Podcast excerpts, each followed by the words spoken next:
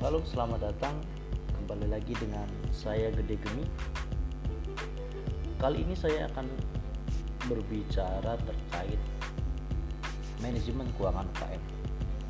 Tapi sebelum itu mungkin saya akan sedikit membahas tentang isu yang ada di UKM.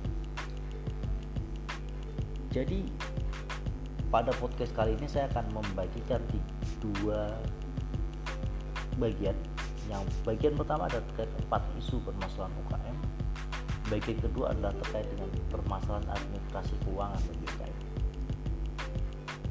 jadi apakah teman-teman semua tahu bahwasanya level dari finansial literasi UKM di Indonesia itu hanya 15,7 persen.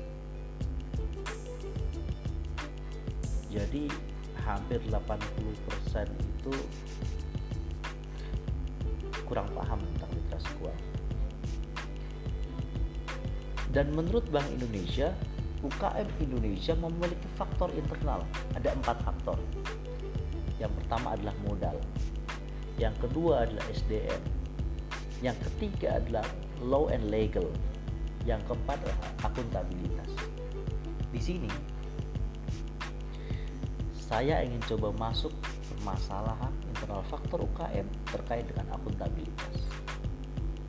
Jadi bagi UKM ada sederhananya ada tiga jenis laporan atau tiga jenis akuntabilitas yang harus dibuat. Yang pertama adalah arus kas, yang kedua laba rugi dan yang ketiga neraca.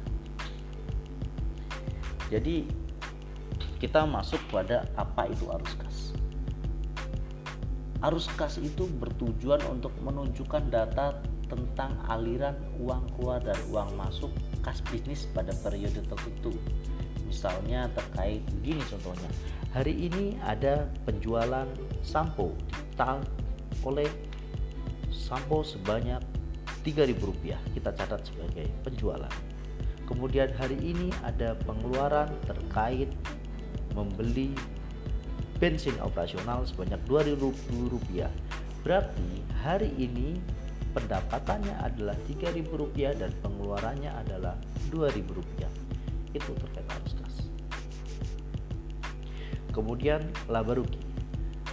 Laporan laba rugi itu bertujuan untuk memberi informasi apakah bisnis kita berada pada kondisi laba atau kondisi rugi jadi misalkan tadi hari ini kita melakukan penjualan sampo sebesar Rp3.000 dan pengeluaran untuk operasional bensin sebesar Rp2.000 maka pendapatan dikurangi pengeluaran bersisa Rp1.000 kita tidak memperhatikan HPP di sini dulu ya. Terkait dengan pengeluaran pemasukan berarti kita berada pada kondisi laba hari ini Kemudian neraca.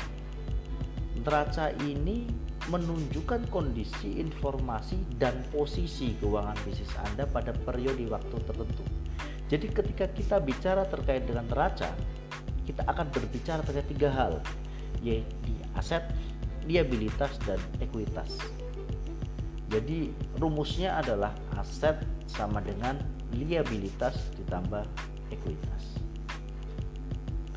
Jadi itu penjelasan singkatnya terkait laporan yang UKM perlu untuk buat di awal.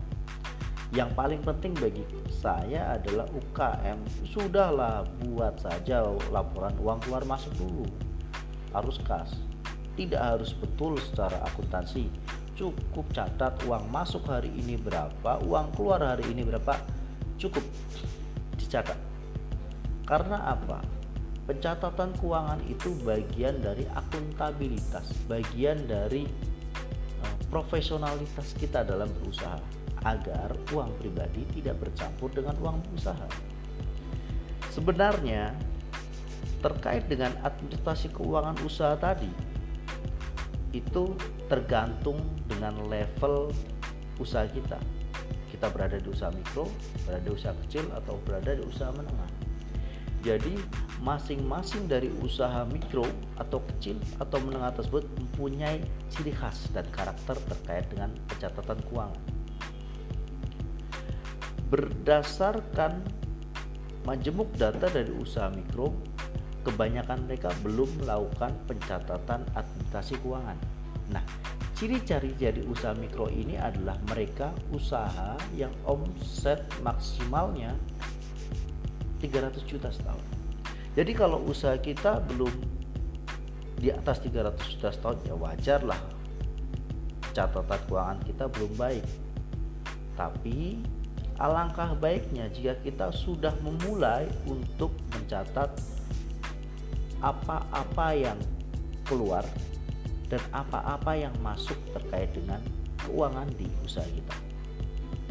Kemudian kalau usaha mikro ini bagaimana rata-rata para pengusaha mikro ini terkait dengan pemisahan uang usaha pribadi dan usaha dan usaha dan uang bisnis.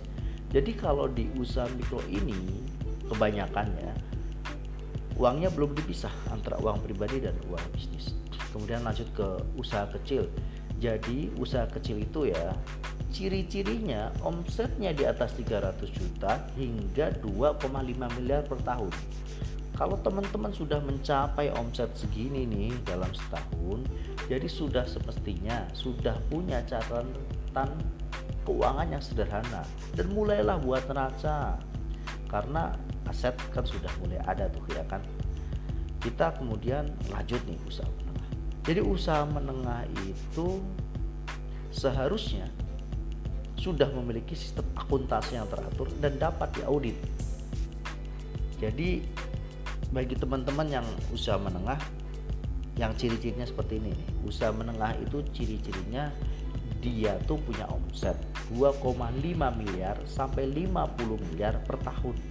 Kalau teman-teman punya omset sebesar itu, teman-teman itu sudah usaha menengah dan teman-teman itu sudah perlu untuk membuat sistem akuntansi yang teratur dan dapat diatur. Kiranya itu pengalaman sekilas terkait keuangan UKM dari saya eh, Gede Gemi. Terima kasih sampai bertemu di episode selanjutnya. Jangan lupa catat keuangan usaha kita. Terima kasih.